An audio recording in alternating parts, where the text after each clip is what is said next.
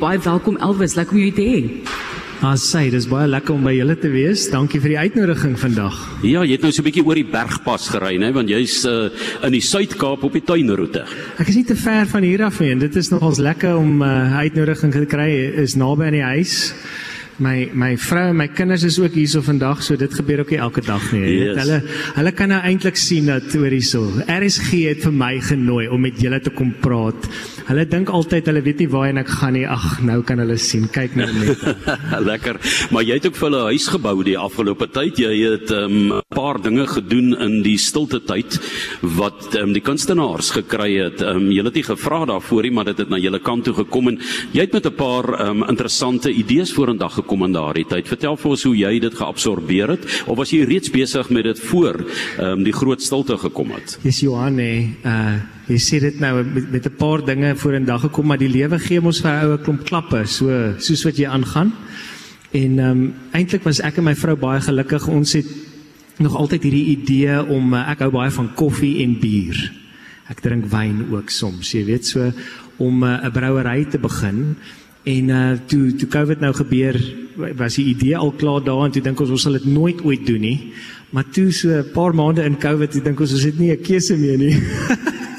so toe moes ons dit doen. En toe het ons so ons het 'n koffiebrouery. Plekkie se naam is Elvis Brew. En uh, ons het dit daar langs die lughawe in George begin en ons het toe nog 'n winkel oopgemaak in Hartenbos en En ag man, dit het sommer 'n groot verskil gemaak in ons lewens. Obviously kon ek nie meer sing nie en om op Facebook, onthou jy die Facebook konserte Johan? Ja. O ja. Hoe was dit? Was dit vir jou so traumaties as wat dit vir my was? Dit was dit was die die eerste die eerste 2 of 3 was ehm um, uit nuuskierigheid interessant. Ja. Maar dan dink ek maar jong maar die ou is klaar op YouTube en hy's klaar Ja. op ander platforms so Hoekom? Hoekom ja? Ek dink ja. ek dink sekere dinge wat wel gewerk het ander genres is komedie byvoorbeeld. Die Mark Latterings Ja. byvoorbeeld dink ek het baie sukses Ja. gehad, maar dis 'n hele ander genre. Ja, dit is so. hè. Wat weird is nee, Martelies is my heel eerste vertoning wat gekanselleer is nou met met COVID en so aan was actually KAK&K. En ehm um, dis eintlik nou so lekker om om hierso te wees 'n paar jaar later om saam julle hierso op die verhoog te sit met al die mooi mense in die gehoor.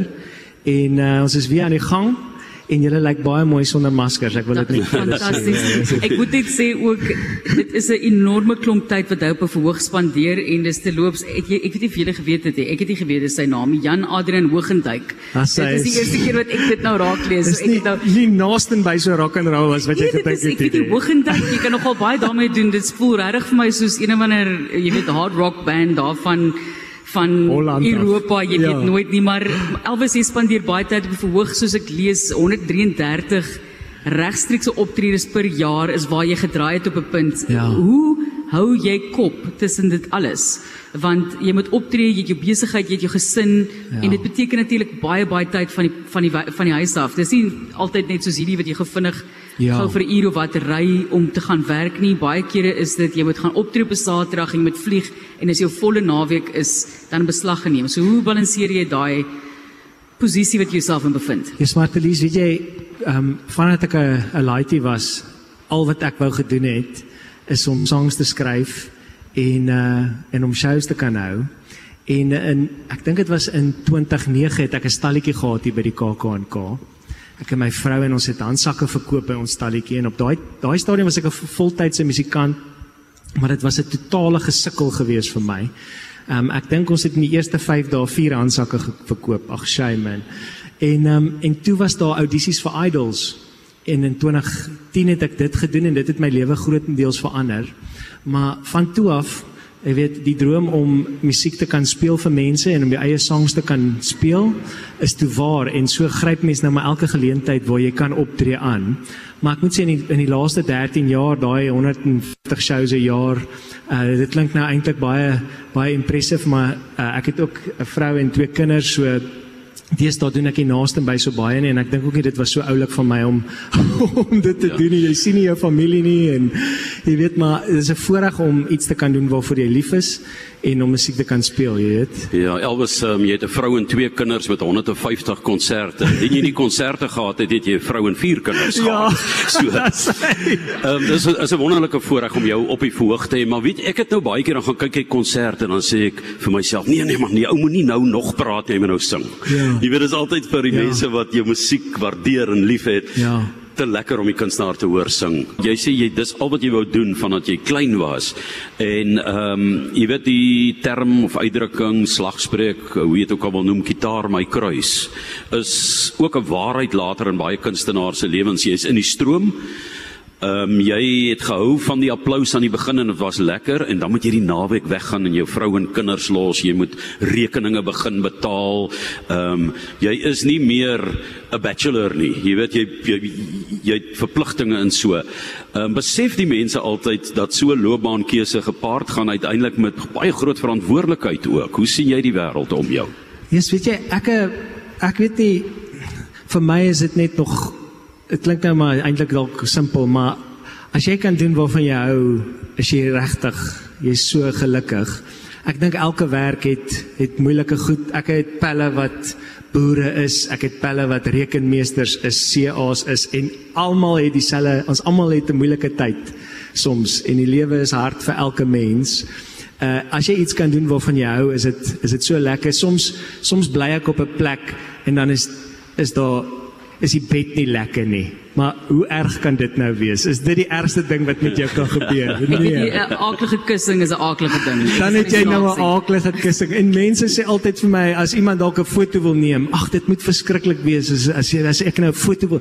As ek soos hoorie, daar's baie erg werke in die lewe om foto's te neem. Ja, as mense ja, ja. kla oor foto's neem, dan is daar ernstige probleme. Ja, maar met 'n om jou nek te verlê op 'n kussing en te gaan sing is nie lekker nie. Dit is onaanvaarbaar. Ja, ja. Ek het um, ek het so 'n mooi storie eendag gehoor. Ek was by die 1971 um, Springbok reunie waar Hannes Maree die kaptein was en toe sê hy, dan kom dan is hulle daar in die koue streke en dan gaan toer hulle en dan klim hulle van daai bus af, maar dis nie lus om te oefen Ja. nie. En dan Frik de Pre wat die rugby speler van die eeu was, sy bene so hoog gelig en dan het hy gesê, dis daarom baie beter as 'n dag op kantoor. Kom ons Exactly, oefen manne. kom ons oefen. Dis dieselfde wat jy ervaar, né? Dis Elvis Blue hier op RSG 360 vanaf die KAKNK 2023, maar jou ma is ook 'n klassieke klavierspeler. So Ja. dit is duidelik iets wat so deur die gene loop. Jy het bietjie oor see met die met die gitaar gaan gaan toer, teruggekom en dit baie meer ernstig opgeneem. Dink jy dit loop so in julle gene ook as familie? Jy's hoorie nee, onthou jy daai movie uh, Sound of Music?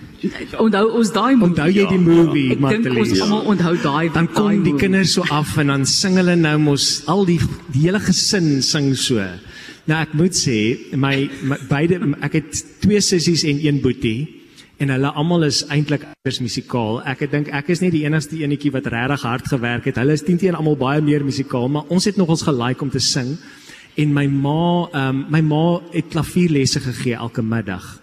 So daar was baie musiek wat gespeel het in ons huis. So ek was gelukkig om blootgestel te wees daaraan. The heels are alive. The heels, ja, En hoe onthou jy lyk dit? Hoe lyk dit in die Blue familie nou, in die gesin?